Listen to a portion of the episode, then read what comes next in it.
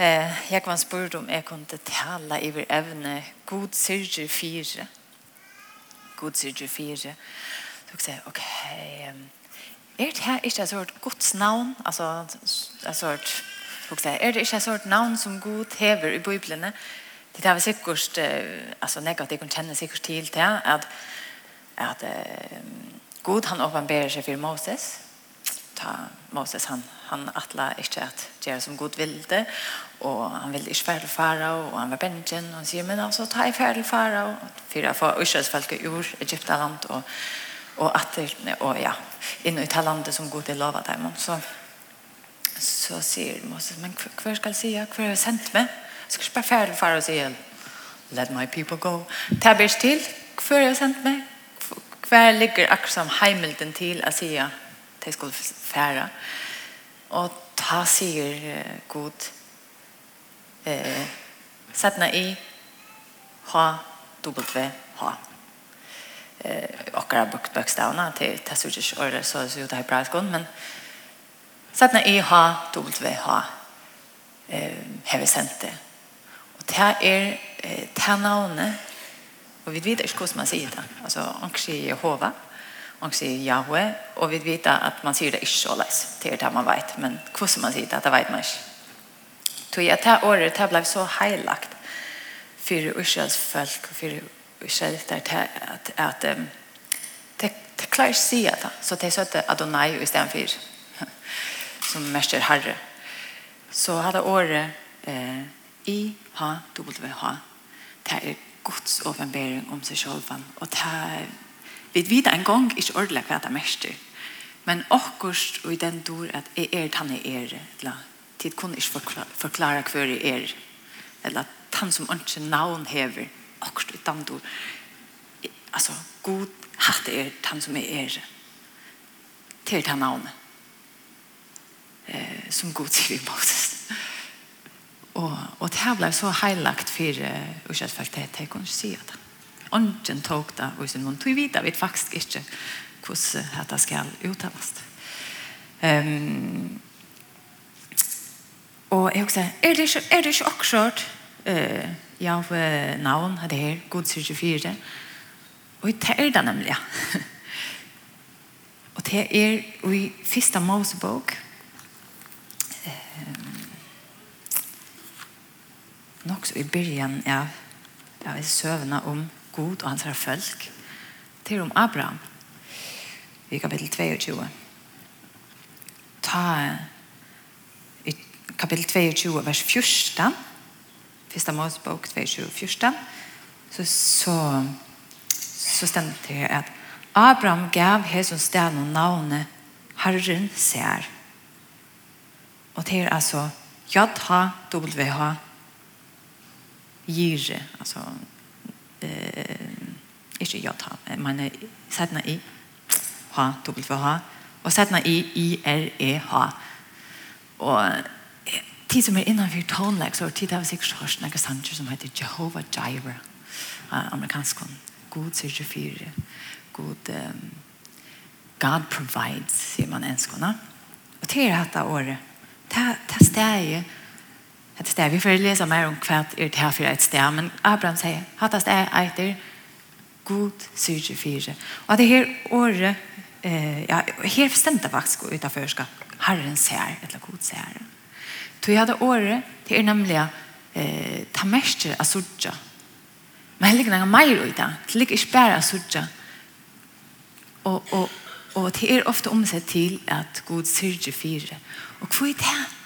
Til tog at Gud, ta han ser så er det ikke bare han ser det og så får han bojar men ta Gud ser så varst du så er det ordna kjenner de sånne folk? Du varst til suttjanega og så varst du ja men så er det ordna du skal ikke være juka juka juka om at det skal bli gjørst men til suttjanega så er det gjørst. Og og til er det året her. Herren ser Herren ser Det kallar Abraham detta fjallet eller alla steg här. Herren ser. Ty god han älskar oss. Ta han ser, ta vid er satt av god. Så mest eisne at han syrger fyr. Så det är sin iverskriften iver hästhälna. God ber om att du hjälper mig som lägger året fram och få det fram som som skal fram og be om att och han säger för att jag säger att du en andre virker og at du åpenberer tvitt år för det som sitter här. Så som du bara kan göra. Amen. Ja, sövna tå som vi skulle läsa. Eh, för kapitel 22. Det här är en också speciell söva. Alltså jag vill säga att hon är jävla äggvislig. Och, och löjen och brutal. Och jag har alltid ofta, så jag vet så van vid att sövan att vi också slash om hur så löj någon är. Men nu får jag läsa. Eh, kapitel 22, från vers 1. När jag efter detta, när man ligger bara kan ha klockna, då är det vidare. Jag kan bli via tosa och alla över. Eh, 12.04. Eh, när jag efter detta rönte god Abraham. Han säger vi han, Abraham, han svarar, ja, her är det. Ta säger han. Tack sånn, tun, Isak, tun einaste, han og du elskar. Fær til Morialand og offre han her som brennoffer av en av fjøtlen som jeg skal vise til. Tullja morgonen etter sæla i ta Abraham eselsut, tok tvær av drøntjensynen, og sånn som Isak viser, høgte vi til brennoffre, og får så av sted, her som god det er sagt ved han. Da Abraham tre dagen høgte rundt han om seg, så han sted lengt bort Ta sier Abraham vid dronjer sønner. Stedet dit her vi Eslenon, er og dronjen færre her i vera tilbya, og koma så atter til tikkare. Abraham tog så vin til brennoffre, let sånn som Isak bære han. Sjolvor tog han elden, offerknøyven, og så fylltes der bare. Ta seg Isak og vi Abraham færre sønn. Pappe, han sverre, ja, sånne min. Han sier, her er eld otteren og brenne, men hver er lampe til brennoffre? Abraham svarer, God skal sjølver sørge til av oss seg lampe til brennoffre, sånne min. Så fylltes det her bare. Ta der nå kom til stedet som God har sagt vi han, rest Abraham her alter og lei vin av det. Så han bant han og Isaks ånsyn, og lei han av alter og man av vinen. Og Abraham rette ut håndene og tok kniven av träpa sån så ta upp det angel herren av himmelen. Abraham, Abraham. Han svarer, ja, her er det. Angelen sier, legg ikke hånd av dröngen. Ger honom ordentlig. Nu vet jeg at du øttes god. Du har inte spärst enaste sånt och för meg. Da Abraham nu hugde upp så han at han för seg vekk, som han kom fast i honom Och tatt av kleinar. Och Abraham får och tog växeln och offret han som brennoffer, i stedet för sånn sånn. Abraham gav Hesum sten og navnet Herren ser.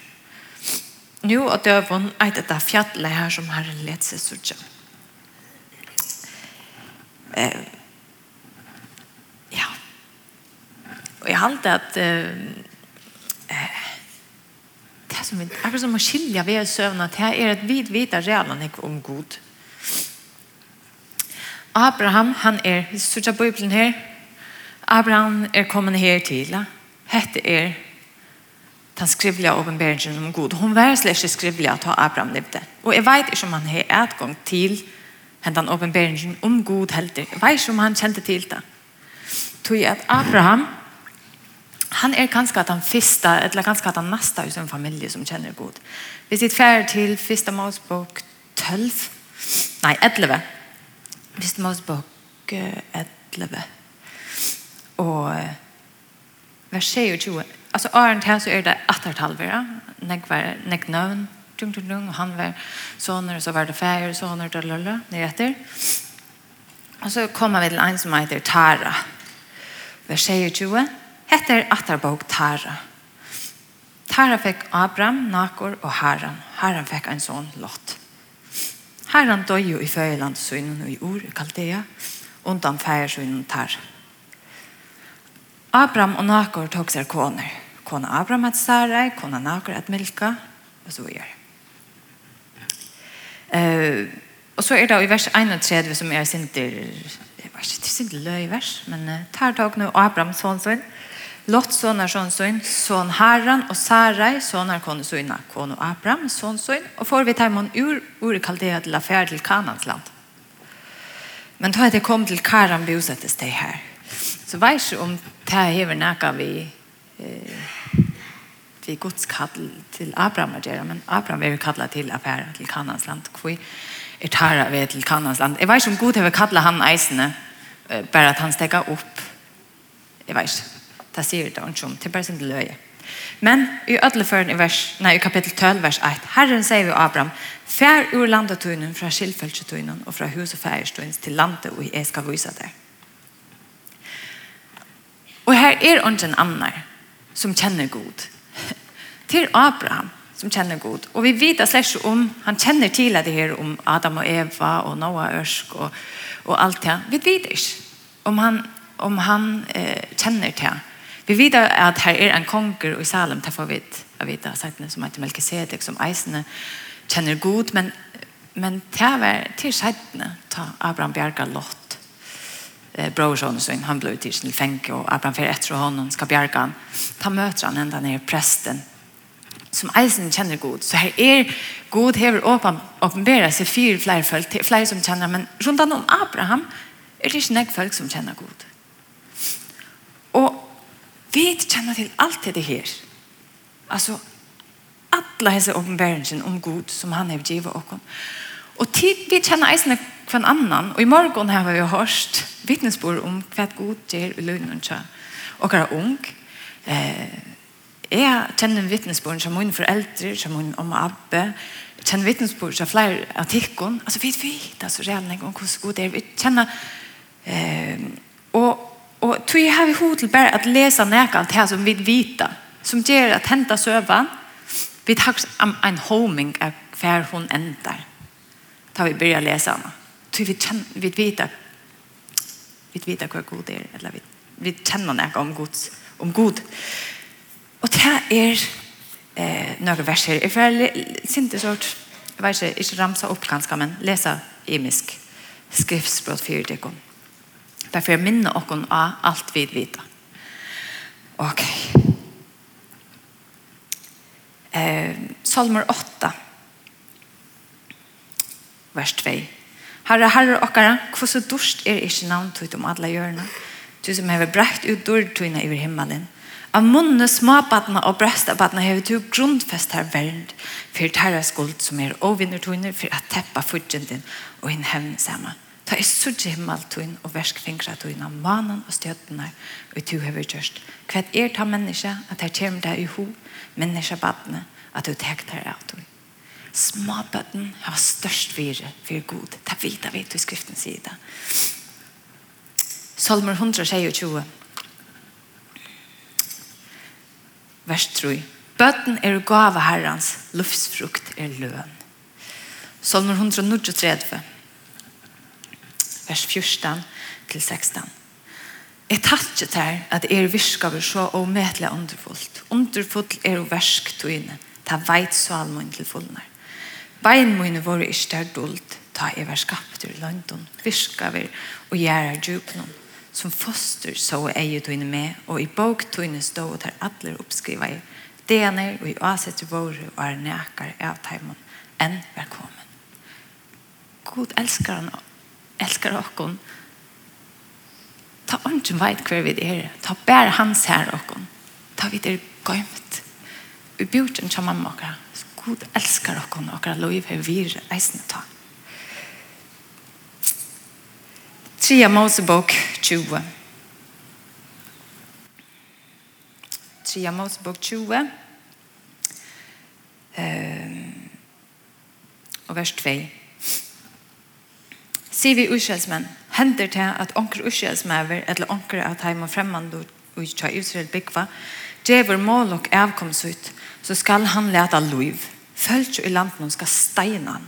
Jeg skal selv for sete og avsjøn mine mot tog manne, og tyna han ur følge hans, at du fyrer at han gav mål og avkomst ut, og gjør det halvt om min åregnan, og vann halga i heilige navn mot.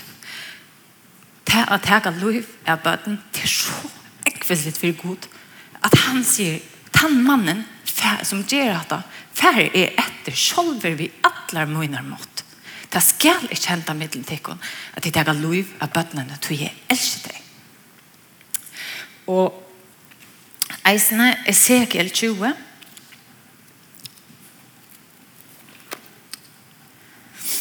Segel 20 og vers 30 Si tog vi hus Israels, så sier Herren, Herren, skulle tid ta gjør til kun åren av samme hatt som fedre tikkere, og i trolig som frafettle, frafettle renne etter vi stygtum terra. Tid gjør at hun enn og det åren vi ødlån er godene tikkere. Vi tog at jeg ber at jeg fram gaver tikkere, og leta bøtten tikkere genga noen elden. Skulle det er ta lete med spørs til ross av tikkene, hus og israelsk, Så satt som livet, sier Herren, Herren. Læt det er meg ikke spira til oss av tekken. Ta ikke folk, offra sine bøtten. Ta det ikke anser etter til veike, til minste bøttenen som god elsker, sier han. Lust slett ikke etter tekken. Det kommer bare glemme det. Glemme det. Altså, tid spyrja, det er til morgen. Glemme det. Du heter er så gjøtt og i hans er. Så kan vi eisen lese Matteus 21.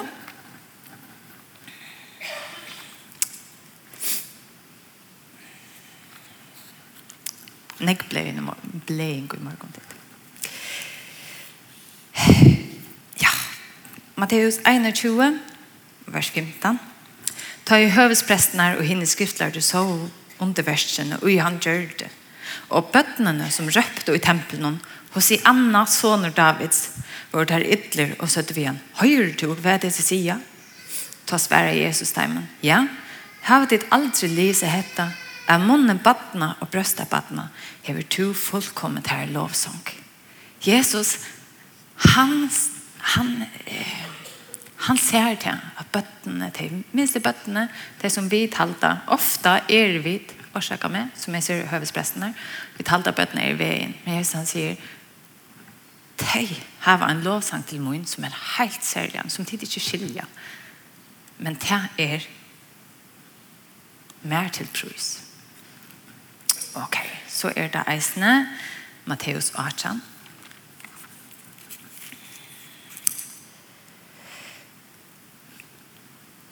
Matteus 18 og vers 1.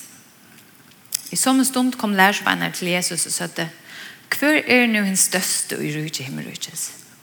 Da røpte han løyde baden til sønn. La ta standa mitt og middelen tæra og sier, sannelig jeg sier jeg til ikon. Venda dit ikke vi og være som bøten, koma dit alls ikke inn i rujtje himmel rujtjes.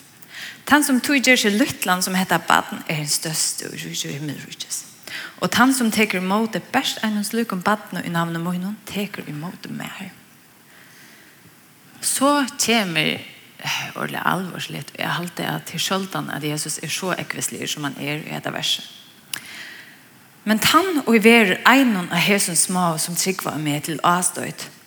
Honom var det bedre at mildnesteinen var hongt om holdshanser og han var søkter i djup havsins. Så, så han leser døgnen til åpenberingen som vi da finner om god. Alt det der så sørger vi hvordan viktig bøtten er for god. Vi sørger hvordan dyrbær det er for honom. Hvordan han elsker deg. Og hvordan ekviselig han blir for. Ta nækker til seg innan bøttene. Det er nækker det ringkaste god veit. Og god elsker deg. At det av vid. Så les er god. Abraham, han kjente god. Abraham han var kallar viner Guds. Och jag halte ofta så kanske har vi nästan vi är sin övensjuk inne och är så gamla.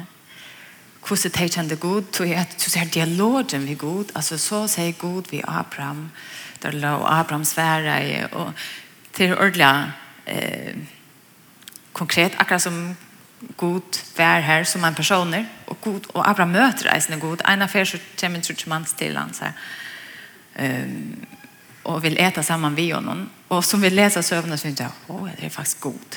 Det er ganske try inte som vi ikke har bra. Alltså så är det ordentligt speciellt. Men men det er det som Abraham vet om god. Det det samfunnet som han hever vid god. Det är det som han kjenner av god. Och god sier vi Abraham. Abraham offra sånt till Isak. Og allt de flesta av oss vi kjenner søvende om Isak. Så det som jeg läs i fyrstene från eh, Mosebok 12. God kallar Abraham att färd till Kanans land. Abraham fär, han fär sammen med Sara och eh, Konesøyn og Lot, brorsønnen, tjater, og de færre. Og Gud sier, jeg skal gjøre det her til det største folk. Og, og Abraham eier ikke bøten, Sara. Jeg kan ikke få bønn. Og det blir ordentlig gammel. Jeg halte kanskje ta det er om hold fjers, et lag så, så kommer god og sier vi Abraham, fær ut og hygg. Det var ikke oppe av himmelen, stjøtten der. Og, og Abraham hygger et stjøtten hon, og, og god sier han, er sørst, og kanskje, kanskje ikke begynne å telle stjøtten der. Det blir stil å telle stjøtten der.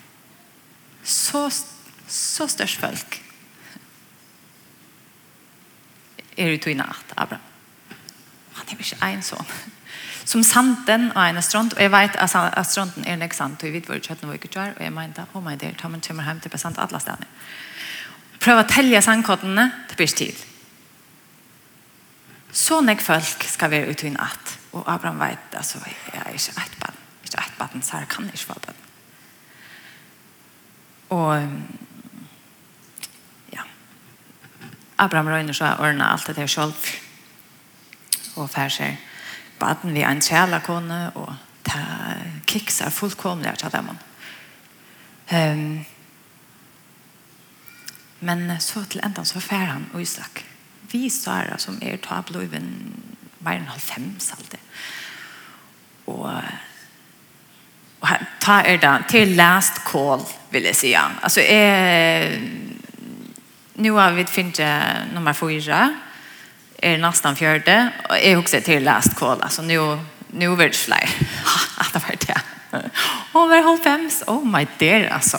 Kanske det levde längre och kanske vår hälsa bättre. Jag vet inte. Det var tattar på skapanen vid är längre väck från ta hemmen varför kom ni. Vad om det spelar in eller något sånt men ja, jag också halv fem sen så så kan man ju vänta att det kommer fler huxer är Og, og god sier vi han. Offra sånn tøyn og Isak. Og hvis vi leser vers, nei, kapittel 22, vers 1. Da stender at god rønte Abraham. God rønte Abraham. Jeg har haft en ringt vi, han er orangen, og, og han er jo ikke noen alt gamle testament. God røyner folk i heilen, og jeg halte til jeg synes, hvor gjør du til han? Er det virkelig nei ut? Hvor skal du til å hva skal du presse dem og så er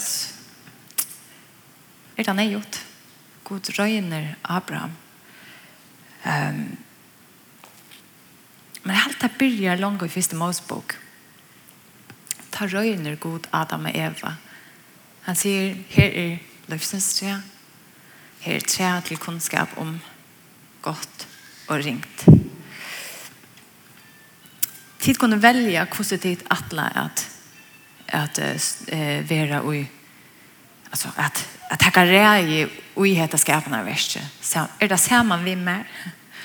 Välja det att att lyta att är er tandvisten men som tid har bruk för det. Är veit till kun lyta av mig. Visdom alltså livsens Eller er det tjär til kunnskap om gott og ringt. Vilja tid själva være god. Vil jeg tid selv, vil jeg ha rei, jeg ha kontroll. Um, akkurat som ikke har bruk for god. Vi tykker at det er det så lest tid at det at, at styrer heimen. Og, og det er fedla. Det de, de klarer ikke den rønten. De sier, ok, vi velger god bort. Um, og, og Abraham, Han blei i eisene røynt. God sier han, fær, fær, fra alt det som du kjenner, til en familie, til en viner, her som eh, Jordan og her er, er og nu beiter, her som du varst hver seien kan leite etter vatten, og her som du varst hver kunne kunne äta gott gräs för du väck från allt det här och bär till ett land som jag ska visa där. Jag säger inte kvar men men för du bara. Det är snäll rönt. Och Abraham gjorde det. Men beina veien så börjar han å fettla. Så han sier, ok, god, jeg lyder av det, vi færa. Så norskast det i Egyptaland. Og Abraham, han hever en kone som er sere bøker. Han sier, hva skal vi Sara? At vi må gjøre en avtale. Så jeg to er så mye bøker. Jeg vet at onkefere vil ha det til kone. Og hvis du er kone må så får jeg drepa meg og lede til livet. Og det her kan vi ikke ordentlig risikere nå god til å kalle meg til at bli fjell til et størst folk. Så jeg hadde meg jeg legge årene. Så kan du ikke bare si at du er siste min. Bare ja, akkurat som god ikke hukse om det, at han kallet Abraham til affærjøkken i Egyptland. Eh, altså først man hukse, tar man leser hukse man, Abraham, hvordan borte kan man være? Og som, som eh, kvinna, så blev det fræt ør, for jeg sitter beint ut. Altså, helt ærligt. Her er man, altså, gift, og han sier han elsker meg, og sier han, kan du bare si du siste morgen, så jeg kan overleve? Vi. Jeg har alltid virkelig lengt ute. Men det gjør han. Og farao, og i Egyptland, han, her, han fer, altså faktisk, året, här ganger, mittelen folk i Egyptaland. Han ser at folk kone kommer. Og fara han hørte fra nære tænere at uh, her er en jævla vøker kvinne som er kommet inn i landet, og hun er faktisk åtgift. Så fara han fer til, til Abraham, og han djever honom gott land av byggva ui, negvjor, godl og grønna skover, alt varsta. Og så teker han Sara at vera sin eh, kona. Og god, han faktisk, selv om Abraham trakkar så rævla lengt vi synar ja. så ansar god etter dem. Og god, han slær faktisk fara over sjuken. Altså, alt hans er hus, det er helt i alt.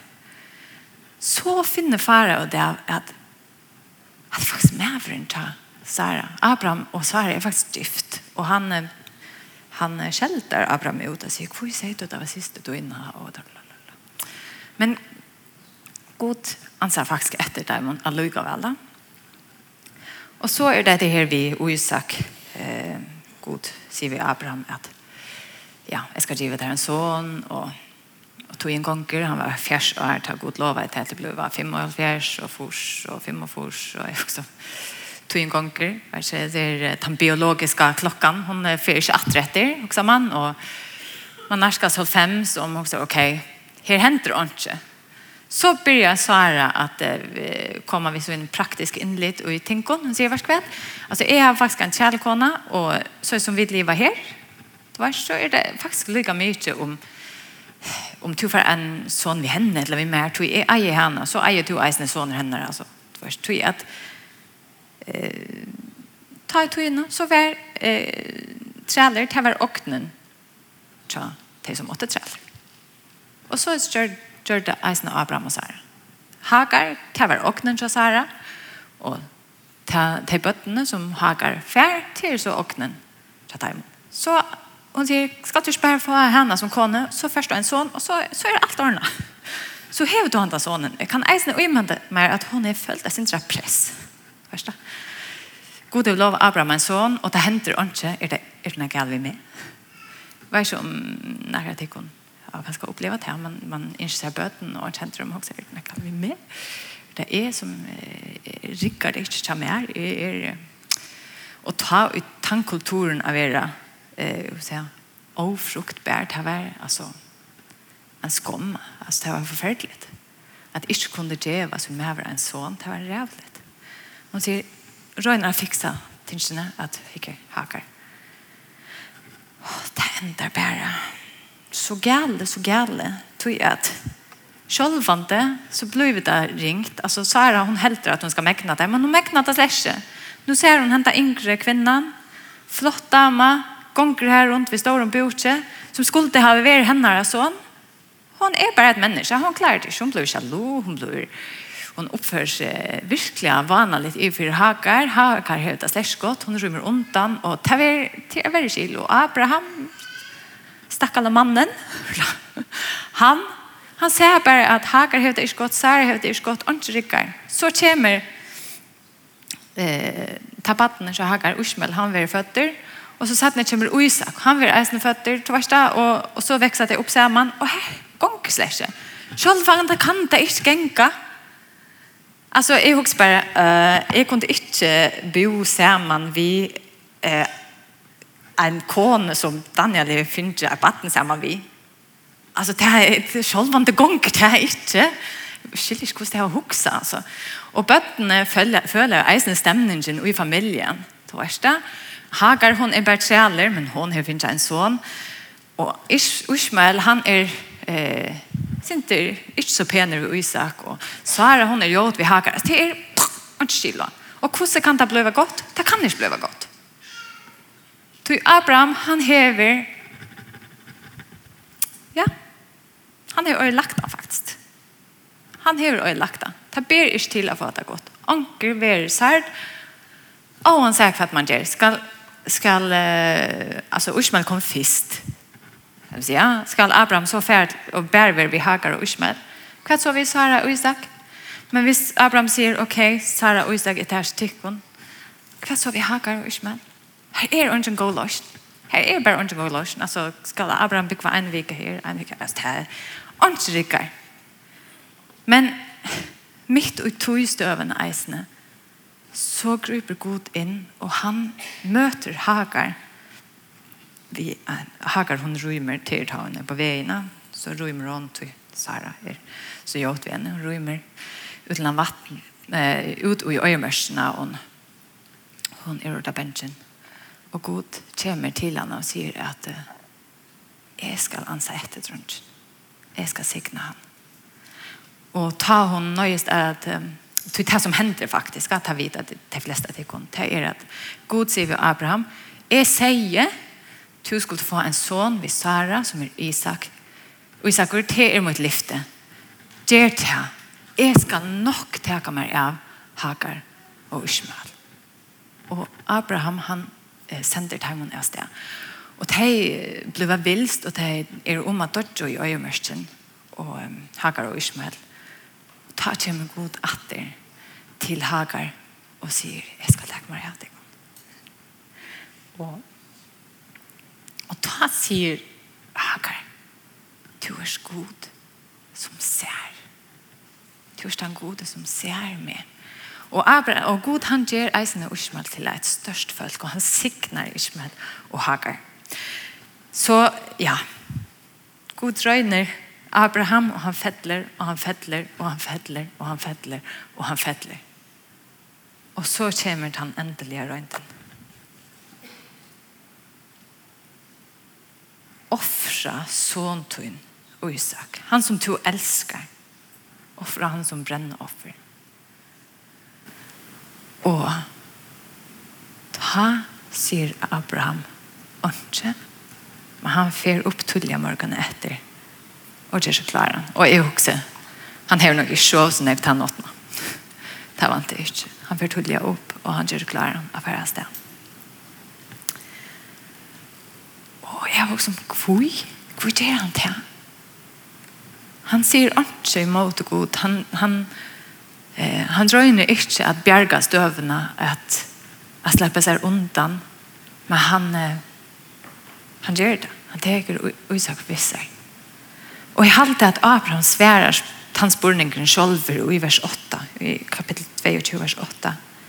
Abraham sverar God skal selv sørge til å få seg lampe til brennoffre sånne møyne. vi spør om vi er ute av støven, og du ganger liv om liv i, i dranggrunn der. To var skal være ferdig hentet.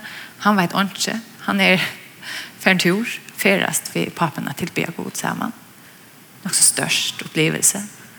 Og to, som pape varst du at om han er død, så skal jeg binde det, skal legge det til alt der, jeg skal drepe det, og sette eld av det.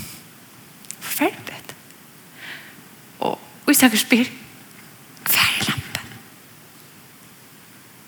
vit hava elden, vi tar brenne. Hver er lampe? Og her svarer Abraham, God skal sjølver sudja til, og det er det samme året som han brukar her nere. Gire, eller hva skal man uttale det? Gire, a sudja og a sudja fire. Tjøknen, hese her som Abraham hever, ja, ikke klarer så vel så hever han og lykker han uppleva at han att god og atter teker han lyfter han upp sätter ting på plats atter Bjarkar Sara under at vi enda var i Egyptaland teker han attr till till Abraham han let Sara få sonen och Isak han ser att god atter og atter hever bjergan, hever lagt an i jøkkenen, hever trobla tøyner. Her kom et størst og djupt anlit og i Abrahams liv til god. Og han veit og han sier hva som henter.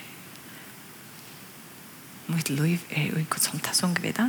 Han sier han valgte sannsyn er du skal ikke styre, ikke at det er Hva enn kan komme og i amunlei. Mitt liv er jo ikke sånn. Det er Abraham finnes ikke røynt det. Og og ja, han er faktisk klar til å gjøre til å offre sånn sånn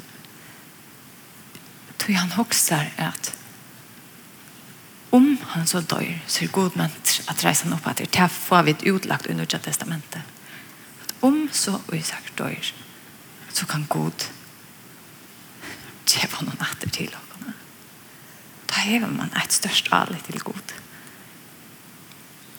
Og,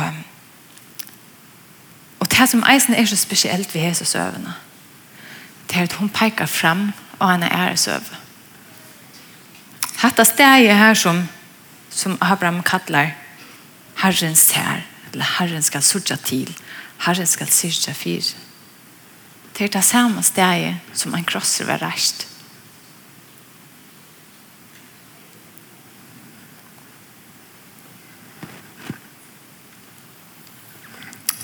og Herren sier det fire.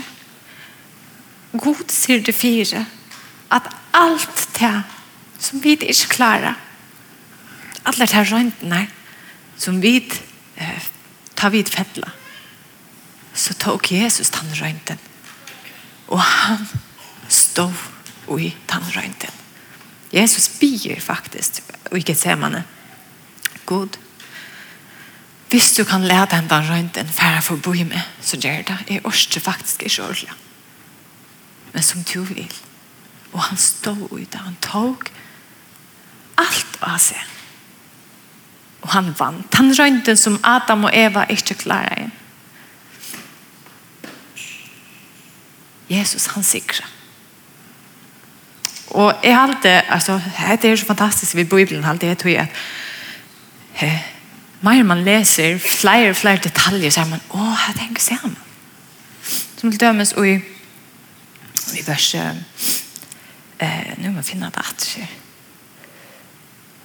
Eh,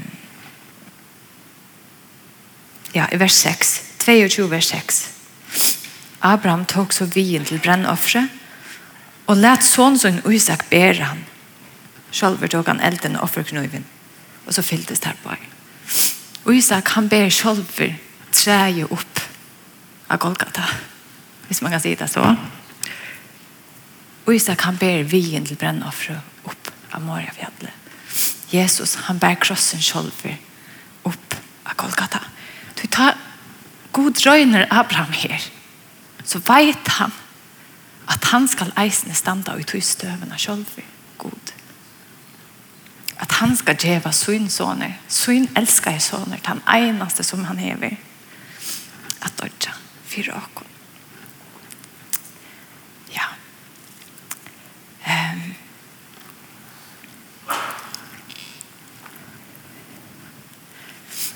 Skal røyna enda til, jeg er ikke Ehm. Um.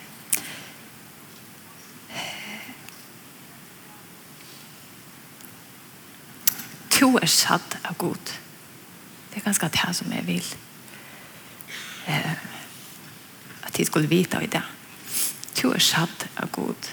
Og ta god til å se det, så vet han hva det er tørver. Og han hever utvidet det som skal til. Det gjør han ved at Jesus stod av krossen for det. Og vidt få eisen handa røynten i okkara liv. Hva ser du til ditt alit? Hva er ditt alit i livet noen? Matteus 6, vers 24, så sier Jesus, Ongen kan tjene tveimån herren. Til annan kvart heter han annan og elskar annan. Eller helter han seg til annan og vannvir annan. Det kun ikke tjene god og mamma. Jeg har alltid hette er åker. Åker opp. Åker tog. Hva er det vi åker? Åker av alle til. Er det god, eller skulle vi selv standa for at ordna alt? At det var kila ødlån. Og så kommer det her en sort, en sort verksbråd, som Jesus ser man ber åkken vi fuklen vi vi blomene, vi spurven Han sier, er det ikke mer verst enn det? Hver tikkere i vers 20 kan vi at stora lägga älen at säga att allt svinna. Och för stora tid vill klæven. Akt ett liljen under marscherna kvist där växa det arbeider ikke, det spinner ikke. Men jeg sier det. Ikke Ikke selv vår Salomon og i alle dørdsynet var klatter som en terra. Og vers 31. Du skulle ditt ikke stora og sia, hva skulle vi eta, eller hva skulle vi drekka, eller hva skulle det være ui. Etter ødlåns løyken sørste i hedningene. Og himmelske færdigere vet at de kan tørre alt dette. God, han vet hva de kan tørre. Han kjenner oss. Han kjenner oss dypere enn vi kjenner oss selv. Og tog sier god, og halte heter oss røynt. og halte vi blir røynt på imiske måter, men hukse om det. Søker først rydde gods og rettvise hans her, så skal alt dette være givet til kunne trett. Styrer du ikke for det noen i morgen. Hva setter vi og har allit til? Og god han veit. Han veit hva dere tørper. Og, og han ser dere. Ja, jeg har alltid hørt det. God takk for at du ser dere. Eh, Takk for at selv har vi trackat så vi så av som Abraham gjør at alt ligger bära. Allt och liv ligger bare og i, og i sår. Så helder du och Og da vi ett komma till togna efter. Så ender reiser du och Ikke tog vid er næga, men tog tjoga og tog en sån. at dødja fyrir åkken bid om at vi må skilja deg mer og mer. Hver du verlig erst. Du erst.